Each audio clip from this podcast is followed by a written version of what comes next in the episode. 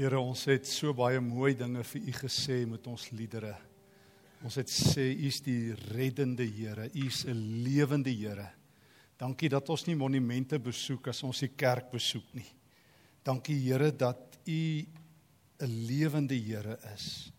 Dankie Here dat die graf oop is. Al gaan ons ook in hierdie dae nadink oor U reis op pad na die na die dood toe. Here ons so bly dat U die Here is van die krib en van die kruis en van die leë graf en van die hemel. En dis met U wat ons praat met geen ander Heer nie. Daar is geen ander nie. Ons roep U vanaand aan Here, kom ontmoet ons verder in hierdie saamwees. Laat U woord vir ons lewe en krag en hoop gee. Help die prediker en maak elke hoorder se ore oop. Ons vra dit in Jesus se naam. Amen. Ehm um, ek is geleer om uh, as 'n jong leraar toe wel as 'n student is ek geleer dat preke so objektiewe ding is. Ek onthou ons is gereeld gesê ons moet ons moet net as te ware oor God praat, ons moet die verlossing aankondig. Ek onthou selfs ons is geleer om ander stemme te hê. Uh daar was 'n tannie wat vir ons elokusie gegee het. Ek weet nie wat dit beteken nie. Dit klink verskriklik, maar sy het ons geleer om te elokuseer, om ons woorde mooi te sê. En ek het agtergekom ou dominee kon. Um ek moet nou vir 'n tydskrif het my gevra om so ietsie skryf oor een van die verleenthede wat ek sou kon anderster doen. En ek onthou toe ek so jonk prof by Tuks geword het daar in 1990, was daar van my kollegas wat ook baie afgemete gepraat het en hoe meer jy dit gedoen het, hoe gewigtiger van 'n professor was jy. En toe verjaar een van my kollegas en ek maak die fout van 'n lewe en ek gedog ek is baie vars maar ek was nie om die opmerking te maak dat die professor nou 60 is en ek is 30 en ons twee het al eweveel in ons lewe gepraat. En toe was daar 'n koue suidpoolwind en toe daarna in die klas sê ek vir die studente, daar hulle moet tog maar kyk bokant elke dosent is daar so 'n bordjie, moenie voer of terg nie.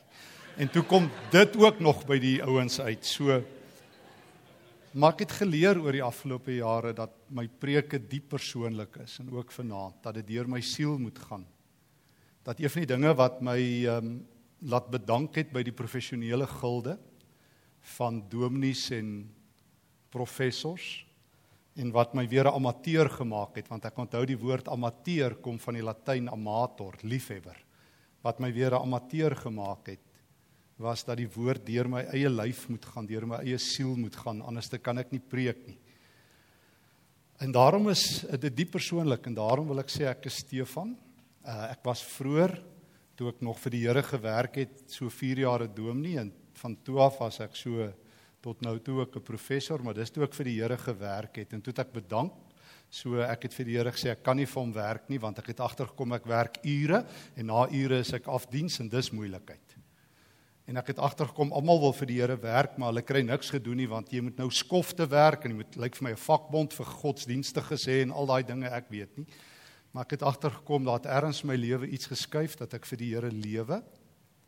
En toe het ek al my titels bedank So jy sal altyd hoor by my as jy vir my dominee sê dat ek dit terugdruk al blaas ek deur die noorde wind.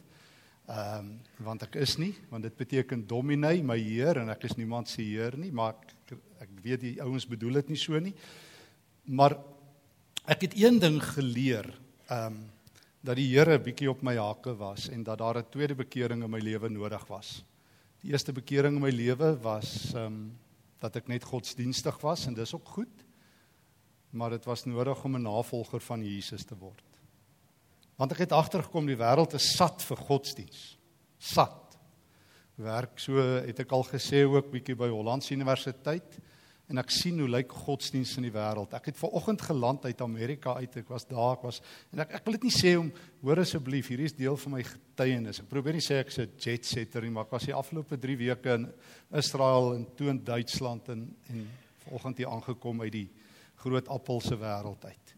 En en my gewaarwording net elke keer in so net voor dit moes ek in Australië gaan werk. En ek het net agtergekom, mense is so sat vir godsdiens. Die kerke gaan net oral dood want ons is so professioneel en ons geloof is so hmm, kom ek praat nou namens myself. Dit kom nie lekker op my vingerafdrukke en op my voetspore en um, en deur my lewe nie. En daarom dat ek besef ek moet ophou om godsdienstig te wees. Vroeger was ek nog al 'n goeie sondekenner. Jy kom my amper oor enige sonde vir jou gevra het. Nou kon jy binne 10 sekondes as dit nie 9,9 was nie, sê wat is reg of verkeerd. En nou ken ek sonde nie meer so goed nie. Die Heilige Gees wys my as dit verkeerd is. Maar ek is nie meer so baie bekommerd oor reg en verkeerd nie. Ek sien dis wat die kerk baie besig hou. Maar ek vertrou nogal die Heilige Gees dat hy mense sal wys. Hy sê hy sal, so ek moet hom net vertrou. Maar lyk vir my ons ek het hom nie genoeg vertrou nie dat hy die oortuiger is soos wat Jesus my geleer het. En ek het agtergekom ek het ook meer geweet wat verkeerd is en ek het meer geweet van al die foute. En as ek nou so daar in die buiteland sit, dan lees ek net Suid-Afrikaners se Facebook en weet ek alles wat verkeerd is in Suid-Afrika. Dit is verstommend. Soos ek nou die aand ook hier gesê het, Suid-Afrikaners het nou ere doktorsgrade in moeilikheid en in Eskom en in politiek. Ek het nog nooit gesien ouens ken politiek so goed nie. Maar dan sit Christene, dan wonder ek, jy het hierdie Here jou al so gegryp. So ehm um, ek het agtergekom in my lewe dat die Here ehm um, regtig in my eie lewe die teks moes waarmaak van Filippense 1 vir my is om te lewe Christus. Vroeger was Jesus 'n goeie aanvulling. Ek kon redelik kerk skiep en ek het niks hoor gekom nie. Ek wil dis nogal erg. Uh, jy kan nogal lank gaan sonder 'n sonder preke en Bybelstudies het ek agtergekom as ek die Here nodig het, as moeilikheid is. As ek nou moet bid en daar's 'n krisis, dan ken ek hy 911 nommer. En as ek ook sommer kwaad as dominee en pastoor nie help nie en wie ook al. Maar ek het agtergekom die Here is nie die aanvulling nie, hy's die alternatief. Of jy lewe vol voluit vir Jesus. Want ek het geleer by Jesus dat hy Markus 8 vir my gesê het, Stefan, jy gaan jou lewe verloor. Dis 'n feit. Verloor dit vir my. En dit het nogal 'n verskil in my lewe gemaak toe ek daai keuse gemaak het.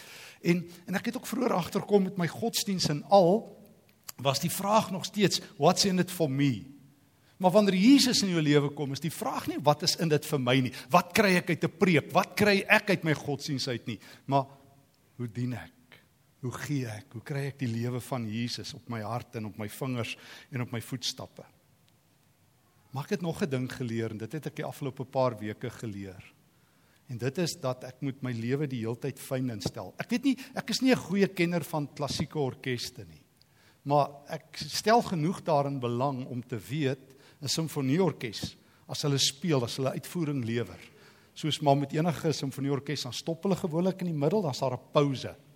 En as jy dit al bygewoon het, wat is die eerste ding wat die simfonieorkes doen as die pouse verby is? Begin hulle speel? Nee.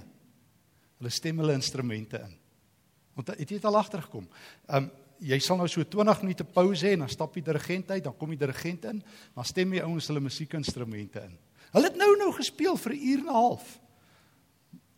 Maar hulle weet, 'n viool om perfek te wees moet ingestem word. En 'n klarinet en 'n hoëbo en 'n jy noem dit al daai wonderlike instrumente moet eers weer fyn ingestel word. En ek het al gesien die ouens het so 'n ding wat hulle noem 'n stemvurk. Net daai ding wat die klank maak. En ek het al gesien as 'n koor sing, moet hulle almal eers hulle stemme perfek hê op die noot voordat hulle kan sing. En toe kom ek agter in my eie geestelike lewe, ek raak verskriklik vinnig uit die van die noot af en ek raak verskriklik vinnig uit pas uit met die Here.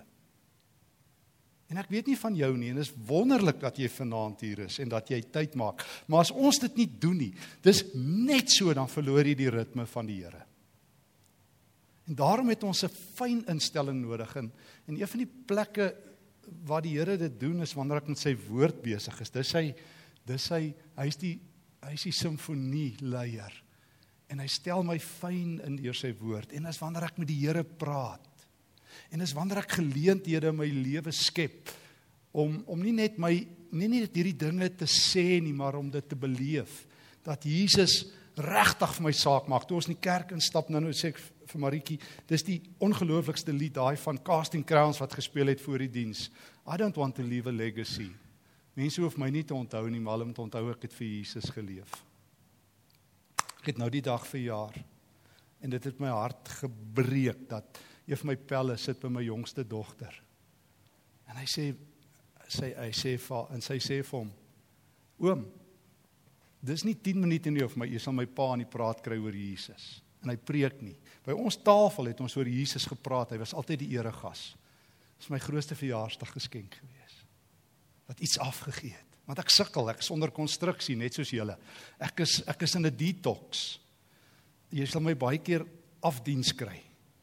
Ek is meer kere verleentheid vir die Here. Maar ek het een ding geleer, ek moet my op plekke sit waar die Here my fyn kan instel dat ek die Heilige Gees kan hoor. En toe dit nou so gewerk en ek wil net drie dinge deel wat op my hart is waar die Here my fyn ingestel het die afgelope paar weke.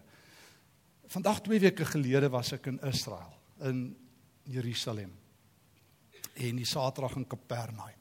Ek was al 24 keer daar. Dit is my gunsteling plek op die aarde. Dit is nie ek sê dit nie om dis net waarvoor die Here my geroep het. Ek moet mense baie keer soontoe vat. En ek het ek het een ding, die Here het hierdie keer vir my iets fyns gaan wys in Kapernaum wat ek die vorige kere net nie so sensitiwiteit nog voor gehad het nie. En ek wil so 'n stukkie met jou deel uit Markus 2. En dit is dat Jesus in die mense besigheid is. Meer as ooit. En 'n stukkie uit Markus 5. Um Jesus is in die mense besigheid. O, ek het daar saam met ouens gesit. Ons is so 80 plus mense en ons doen so Bybelskoolreis. En ek het daar in Kapernaum vir 2 ure dit die dag baie hard gereën en ons het daar gaan sit onder 'n afdak en ons doen so wies wie so vir 2 ure altyd. En ek het vir die ouens vertel, weet julle nie wie ken julle almal in Kapernaum nie. Ons ken ons ken daai ou van Markus 1. Hy is daar in Kapernaum, die ou wat die duiwel besetenis wat Jesus genees. Petrus se skoonma bly daar in uh, Kapernaum en Jesus genees haar. Ons ken haar. Petrus bly daar en Andreas, ons ken hulle. En ons ken daai verlamde man. Ons gaan nou 'n bietjie daaroor ietsie sê in Markus 2 wat hulle so deur die dak laat afsak. En ehm um, ons ken daai vrou met die bloedvloeiing in Markus 5. Ons gaan nou iets oor haar sê. En ons ken Jairus. En ons ken daai vrou wat in Lukas 7 so aan Jesus se voete kom sit het en haar met haar trane sy voete nat gehuil het. Dis daar in Kapernaum. En ons ken die die die Romeinse offisier wat vir Jesus sê ek kan maar net 'n woord sê as hom my slaaf gesond word aan Lukas 7. Ehm um, ag en so kan ek aangaan. Maar maar daar gryp iets my toe ons nou die dag daar staan. En en dis wat Jesus vir my wil fyn instel en ek hoop hy wil dit vanaand met jou ook doen. Want dis maar wat op my hart gewas. Ek het die preek 'n klomp keer verander, maar dis maar wat op my hart is. Wat Jesus uh, Markus 2. Toe Jesus na 'n paar dae weer in Kapernaum kom, het dit bekend geword dat hy by die huis is. Hierdie ou klein one dis Kapernaum is regtig so soos die Engelse gesê het 'n one horse town en die perd is nog op aardvoeding. So dis regtig hierdie ek kan nie dink God sit sy seun daar neer nie. As ek God se adviseur was sou ek gesê regtig Kapernaum. Ek meen Kapernaum. Dis die noordwestelike oewer, dis so klein vergete plekkie. Jy gaan nie jy gaan nie eers soontoe nie. Jy kom nie eers van daar af nie. Nevermind jy het nog daarvandaan af gekom. Jy vermy die plek. Daar het seker so 'n paar honderd mense gebly in Jesus se dag en vir 3 jaar bly Jesus daar. Vir 3 jaar. Sy hele Galileese bediening speel af. Nou kom hy by die huis. Hoor hoe mooi sê Markus. Hy's by die huis in Kapernaum. God se kind is op straat, hy's in die huis. Hy's nie net in die kerk nie. En dan sak daai ouens daai hele ken die storie, die man daar deur die dak. Daar kom daar kom te vier mense vers 3 wat 'n verlamde na hom toe bring. Hulle het hom gedra vier. Toe hulle hom weens die gedrang nie by Jesus kon kry nie, breek hulle die dak reg bokant hom oop. Nou ek het al vertel by 'n vorige keer toe ek eendag hier gepreek het. Ek onthou die kinderbybel.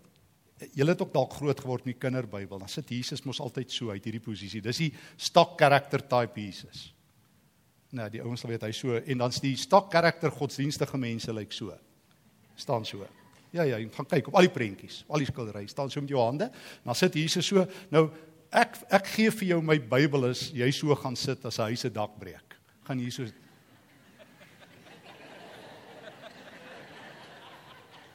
Nee, jy gaan ek wil nou dink aan dis riet. Ehm um, dis 'n riet en hulle het die dakke gemaak van riet en klei en hout. Nou kom al daai goed af. So ek dink Jesus moes nog 'n wonderwerk doen en 'n stof en is gemors. En jy kan dink hoe ontstel is almal. Hoe sal jy gevoel het jy dis dit jou huis was? Ek bedoel jy sou jy sou gesê regtig. Regtig? Is dit nou wat God sien aan julle maak? Julle julle breins verloor, breek julle my huis. Skool net gewag het tot Jesus buite is nie. Hoekom breek julle my huis af? Ek bedoel, loodgieters is duur. En en toe Jesus sy geloof sien, sê hy, "Vriend, jou sondes is vergewe." En toe is die godsdienstige leiers so kwaad. Hulle sê hy praat godslasterlik. En ehm um, maar Jesus sê eintlik meer vir hom as vriend. En dit het my aangegryp. Jesus sê vir hom: "My kind. My kind. My kind, jy's gesond." Dit is so intiem, dit is so ek wil dis chaos, dis stof, dis hout, dis hooi, dis goed, maar Jesus, as hy in jou spasie inkom, dan sê hy vir jou, dan praat hy op die mooiste manier met jou. Hy sê vir jou: "My kind." Jy's kosbaar, my kind. Jy's een van myne. Jou sondes is vergewe en ek dink sy drie sy vier vriende, hulle sê nee nee nee nee nee nee, ons het hom nie gebring vir sonde vergifnis nie. Wat verstaan jy nie? Hy moet gesond word. We want a miracle. Ons wil 'n TV evangelis hê wat om vir hom sê staan op en so aan. Jesus sê nee, julle verstaan nie. Ek het daan God se register gou gaan lees. Die grootste wonderwerk wat ek kan doen is nie om om vir ou te sê staan op en loop nie. Weet julle wat die grootste wonderwerk? Dat God vir jou sê my kind. God kan nie vir jou iets groter as dit sê nie. My kind, jou sondes is vergewe. Ek het vir jou 'n huis. Jy is vir altyd myne. Ek het beslag op jou lewe gelê. Hier in Kapernaum het ek jou ingeloop. Jy is myne. En dan hier sê Jesus vir hom, om te bewys dat hy die volmag het om sondes te vergewe. Sê hy staan op en gaan hy jou huis toe. En toe prys almal God. Toe breek daar 'n heilige fees uit. Toe loof hulle God. Maar hoor net. Jesus is in die mense besigheid. Soos jy dalk in hierdie harde wêreld waar geen mense in die mense besigheid is nie. En as hulle in die mense besigheid is, is dit daai soos ek altyd sê, daai drie me myself and I. So wat is daan vir my? Maar wanneer Jesus op die toneel is, is hy daar vir ander mense. En dan is sy taal baie naby. En dis wat jy moet weet. Markus 5 doen hy dieselfde daar in Kapernaum. En ek gaan nie die teks net so gaan net so in hom raak daar vanaf vers 21. Ehm um, Jesus het met die skuit nou gevaar, hoor ons, en toe nog daar by die see was, daar by Kapernaum, Ehm um, kom dan nou een van die raadslede van die sinagoge daar van Kapernaum, ja, Iris, en hy val op sy knie en hy sê sy dogtertjie gaan dood. Nou gaan Jesus saam met hom vers 24, maar vers 25 daar was 'n vrou wat aan bloedvloeiing gely het. Onthou ek het so 'n paar weke gelede by 'n oggenddiens net by hierdie teks ook stil gestaan hier. Nou dis 'n menstruele siekte. Dit maak jou onrein. Onthou in Joodse tradisie word jy van buite af binne toe onrein. Dis hoekom Jesus so kwaad was vir hulle. So al is jy so vroom al gee jou hart vir die Here, dit tel nie. As jou liggaam 'n afskeiding het, is jy onrein. Vir 12 jaar het sy al haar geld aan dokters uitgegee. Daar staan letterlik in die Grieks, sy het onder dokters gelei. Ek gaan niks verder daaroor sê nie. As jy dokters is, gaan hulle ja goed, goed. So, ehm um, en dit het haar toestand net vererger. Daaroor moet mense ook niks sê nie. Goed, En toe kom sy van agter af en sy bekruip Jesus en sy's onrein. Nou in Joodse tradisie as 'n onrein mens aan jou vat, dra dit oor. Al is al al is daar 10 Daniels en daar is um een sondaar wen hy, het Jode geglo. Lyk my baie Christene glo dit terloops vandag nog. Jy kan net een duiwel aanbidder of een sondaar tussen 10 Christene sit, lyk vir 'n kryle koue koors van skrik. Maar maar Jesus sê nee, dis nie waar nie. Maar hierdie vrou kom raak aan hom. Vers 28, as ek net aan sy klere kan raak. En Jesus weet onmiddellik. En hy het omgedraai en hy sê, "Wie het aan my geraak?" En hy disipel sê, "Is jy nou laf? Almal druk aan u." Vers 31 en Jesus kyk en die vrou het gaan staan vers 33 en gebewe en sy weet sy's uitgevang en sy het voor hom sy het voor hom neergeval en haar hele geskiedenis vertel. En toe sê Jesus vir haar, "My dogter, Julle gehoor spreek hy daai ander ouetjie aan? My kind. My dogter. Sy is nie ongelooflik nie. Sy sy doen alles wat 'n vrou nie mag doen nie. Sy kom raak aan 'n man, sy maak Jesus tegnies onrein, sy sy sy sy maar sy waag alles met Jesus daar in Kapernaum. Maar Jesus is in die mense besigheid. Hy stel nie so baie in godsdiens belang en al hierdie reëls en al hierdie nonsens nie. Kom in my spasie in. Dis vergewe. Dogter, jou geloof het jou gered. En net nou het ek sê my kind omdat jou vriende geglo het, het jou geloof jou gered. Hoor net hoe praat Jesus. En net hierna dan gaan hy daar na die raadslid se huis toe want dan sy ou dogtertjie dood. En dan sê hulle Jesus hoef nie meer te kom nie, sy's dood, maar Jesus vat in vers 37 vir Petrus en Johannes en Jakobus en toe daar by die raadslid kom, toe huil die mense en dit gaan net verskriklik. Nou terloops in die Joodse tradisie het jy altyd professionele huilers gehuur. Regtig. Dis regtig. So hierdie ouens wat daar te kere gaan, is die professionele huilers, maar ek dink hulle hierdie hierdie is 'n freebie, want as die raadslid van die sinagoge, so hulle kom huil van nie jy huur hulle, jy betaal hulle en hoe meer hulle huil, hoe beter is die begrafnis in Joodse tradisie. So daai manne gaan te kere, want hulle is die dis die Joodse raadslid. So jy moet 'n groot huil opsit. En hulle skree en gemal en Jesus sê bly stil, sy slaap, julle gaan haar wakker maak. Bly stil, sy slaap en toe huil hulle nie, toe koggel hulle Jesus uit. Hy sê sy slaap, toe lag hulle hom uit vers 40. En hy stap na daai dogtertjie toe vers 41 en hy sê vir haar in Aramees Talita kum. Dit beteken letterlik as jy die Aramees gaan kyk, wildsbokkie word wakker.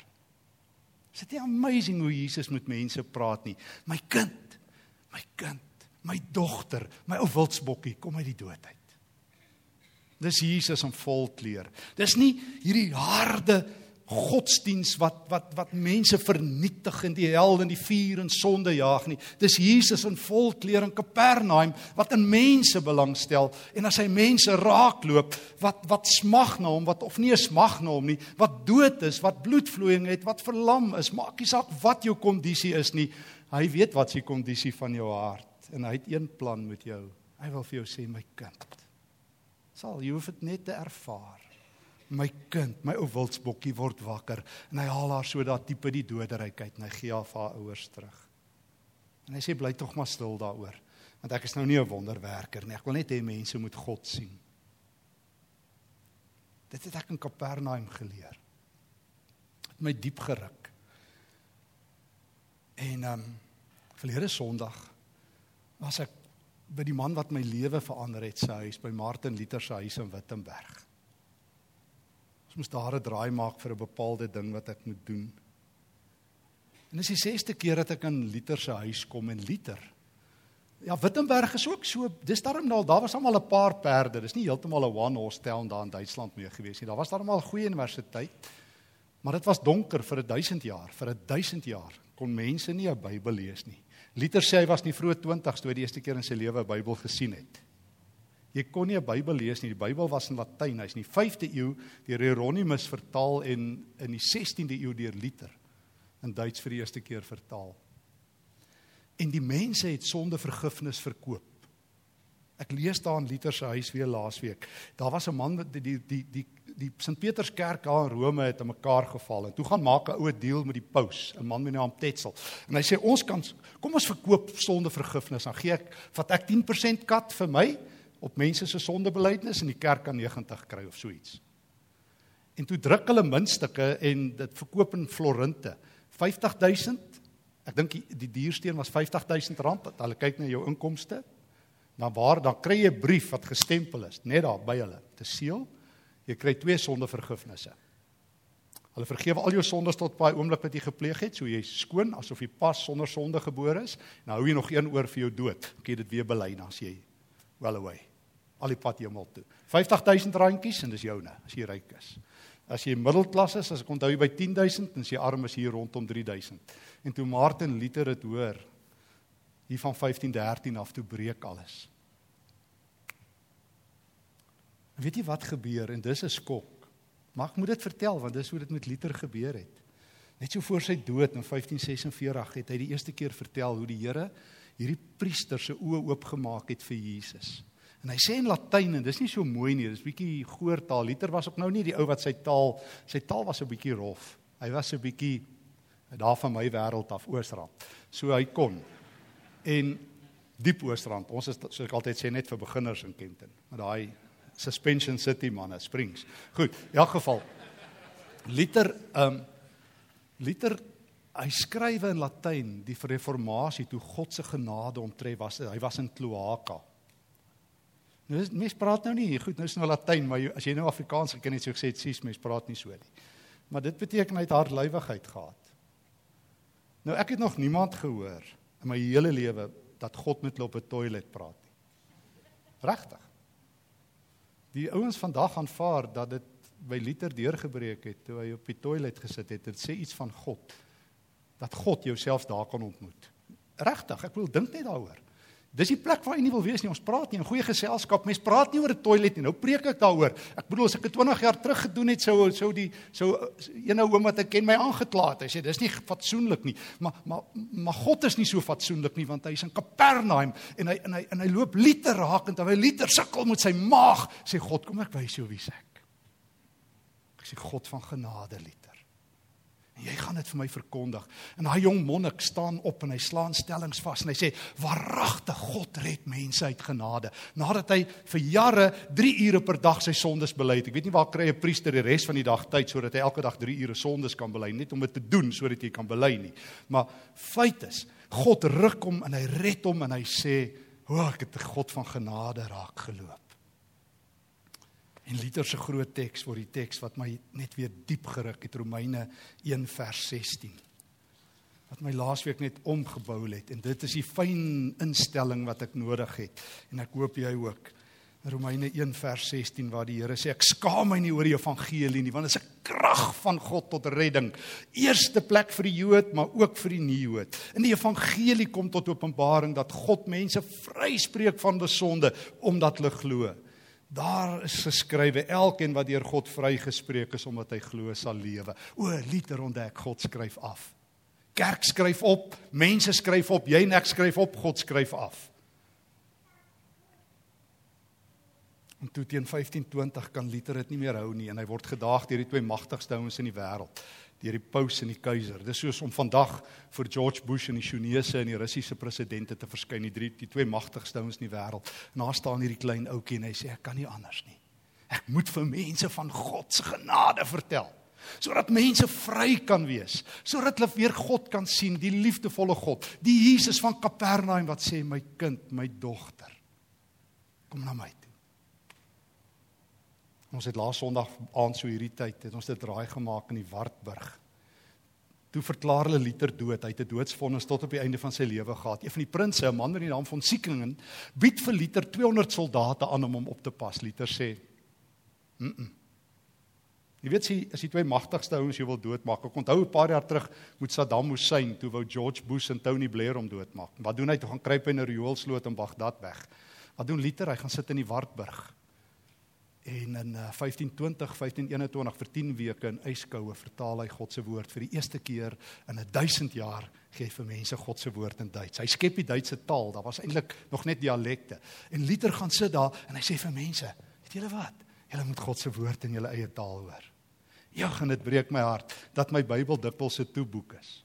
Daar's 'n mooi ding wat ons van die reformatie sê. Ons sê sola scriptura. Het jy dit al gehoor?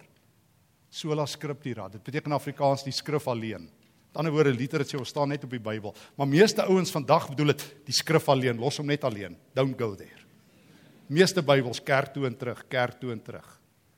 Hier en daar is die groot verseboek sien nog so versie of twee lees. Jy het jou 10 gunsteling verse en dan sit ook maar omtrent klaar. Maar wanneer God se woord jou gryp, gee litere terug vir mense. So ek het gehoor die Here wil my fyn instel om Jesus se hart te sien. Jesus is in die hartbesigheid, maar hy's in die genade besigheid, moet ek leer. Die evangelie is 'n krag tot redding. Dit red mense van hulle sonde. Dit spreek mense vry. Kan ek dit weer sê? Ek het dit al baie gesê, maar vir my is my groot definisie van genade. God weet alles van my af en hy hou nog van my. Is dit nie nogal kan ek dit vra soos 'n jong mense vra? Dis nogal skerry. Ek beloof jou, ek gee jou 'n brief, jy sal nie vir my hou as jy alles van my al weet nie. Maar ek gee jou 'n brief, ek gaan ook nie van jou hou as ek alles van jou al weet nie. Nie van ons gaan vanaand hier wees nie, ons gaan te skaam kry as ons alles van mekaar af weet. Is ek reg? Maar die Here weet alles en hy sê ek het jou lief. Dis genade. Die Here sê ek het niks wat jy gedoen het soos Philip Yancey dit sê, niks wat jy nou doen en niks wat jy nog gaan doen kan maak dat ek jou meer of minder liefhet nie. Ek het jou lief. Hoor dit net gou weer, jy het nie gehoor nie. Niks wat jy gedoen het, niks wat jy nou doen en niks wat jy gaan doen kan maak dat ek meer of minder van jou hou nie. Ek hou van jou. Ek het jou lief. So jy is nie so sleg soos jou jongste sonde, soos ek dikwels gevoel het nie. En jy is ook nie so goed soos jou nuutste goeie werk nie. Soos ek min kere gevoel het want ek het altyd gehoor ek breek die Here se hart, maar die Here hou van ons. En ek wil weer my lewe fyn instel daarop. En ek wil afsluit. En toe het ons 'n paar dae in New York in um, Seattle deurgebring daar op Orcas eiland by my vriend. Hy het ook al hier gepraat Leonard Sweet saam met 'n groep mense wat ek soontoe moes vat 'n klomp leiers. En ek myself daar 'n ding aanbied. En by Leonard Sweet het ek geleer. Hy het een aand 'n ding gesê wat my weggeblaas het. Hy het gesê the older I get the more complex my theology becomes but the more simple my faith becomes. Daar gebeur twee dinge. Hoe ouer ek word, hoe meer dink ek oor die Here en ek hoop dit gebeur met jou. Ek hoop jy dink meer oor die Here. Want verrint jy waar, jy kan nie net oor die politiek dink en oor Eskom dink en oor die rugby dink en oor wat nie. Jy moet oor die Here dink. Jy word geroep in Psalm 1, oordink die woord dag en nag. En jy sal wees soos 'n boom wat by die waterstrome. Nie lees dit dag en nag nie, oordink dit. Jy moet dit lees sodat jy kan dink. En dit gaan vir jou 'n teologie gee. Dit gaan jou dra in die donker. As almal hooploos en moedeloos is en bedank by die hoop uh, plek en harte opgee, gaan die Here jou fyn instem om met hoop te lewe. Jo, ek moes so 5 weke terug, 4 weke terug by 'n Australiese kerk in Brisbane preek. En daar so baie Suid-Afrikaners het gevra dat ek moet die oggend ook um Afrikaanse diens hou. En ek het vir die ouens gesê daar gebeur 'n snaakse ding met baie mense as hulle migreer, hulle gaan saam.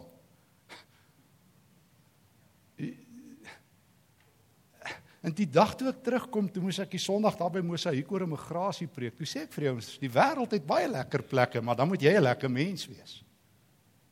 So wees lekker. Jy kan nie as die Here jou hart nie gryp nie en die Here nie jou 'n dieper teologie gee en jy liewer vir die woord word nie en Jesus jou fyn instel nie en jy genade drink nie. Help jou geloof jou net mooi niks. En as jy net vanaand gekom het vir 'n aanvullingkie, vitamien aanvullingkie, moenie weer vir so iets kom nie, kom dat jou lewe verander. Want Jesus is nie in die vitamien aanvullingsbesigheid nie. Hy is in die alternatief. Hy wil jou lewe hê. En ons het dit vanaand gesing. Die kruis voor my, die wêreld agter my. Maar Jesus wil jou lewe hê. Hy wil sê soos wat hy vir daai man gesê het, my kind. Jy wil dit hoor by Jesus en hy sê dit vir jou. As jou lewe stikkend en uitmekaar val en en jy nie die pyn kan uithou nie, dan wil hy vir jou sê soos daai vrou, dogter, jou geloof het jou gered.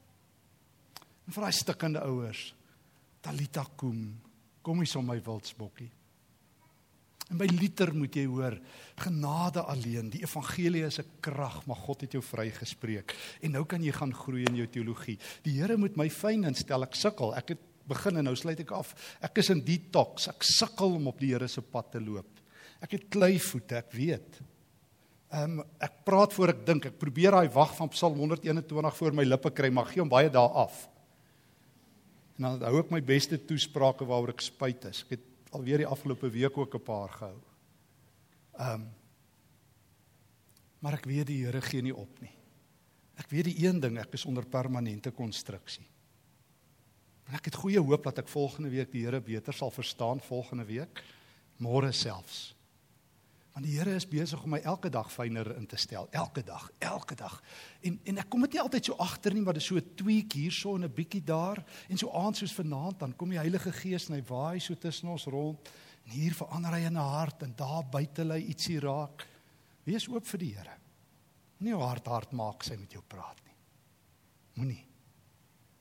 Die Here kan niks met harde harte doen nie. Hy kan met sagte harte werk. Hy wil vir jou sagte hart gee, hart van vleis, soos hy beloof het hy sal doen. En vanaand is een van daai geleenthede. So ek Ek weet nie waar trek jy nie, maar ek weet die Here wil jou fyn instel vanaand om hom te hoor. Dalk moet jy net hoor jy sy kind. Dalk moet jy net hoor dis genade. Hy het jou lief al het jy jou lewe nou behoorlik en properlies gemors. En hy wil vir jou sê, maak jou geloof eenvoudiger, maar dink meer oor my. Ek gaan vir net geleentheid gee vir 'n paar oomblikke se stil gebed. Dan gaan ek vir ons afsluit praat netjie met die Here daaroor. Here, as ek so voor U sit, ek is bietjie weerloos sommer, Here, want wat het ek nou, wat se maskers kan ek nou opsit om U te probeer beïndruk? U weet alles van my af, Here. Of ek sit en of ek opstaan, of ek gaan, U weet, U is met al my gedagtes bekend, die goeie gedagtes, die goeie gedagtes. Here, U weet ek wil vir U lewe, maar U weet ek verstaan ook Romeine 7, die goeie wat ek wil, dit doen ek nie altyd nie. En ek is jammer, Here.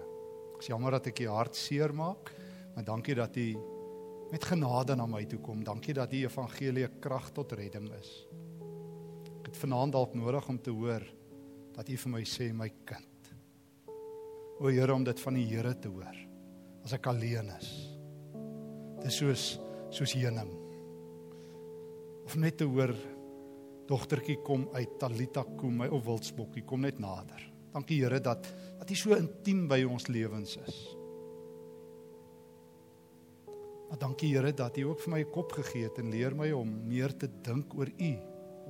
Here want ek dink aan so baie nonsens dinge. Sorteer bietjie my kop ook vir my uit Here dat daar gedagtes is baie meer wat U verheerlik.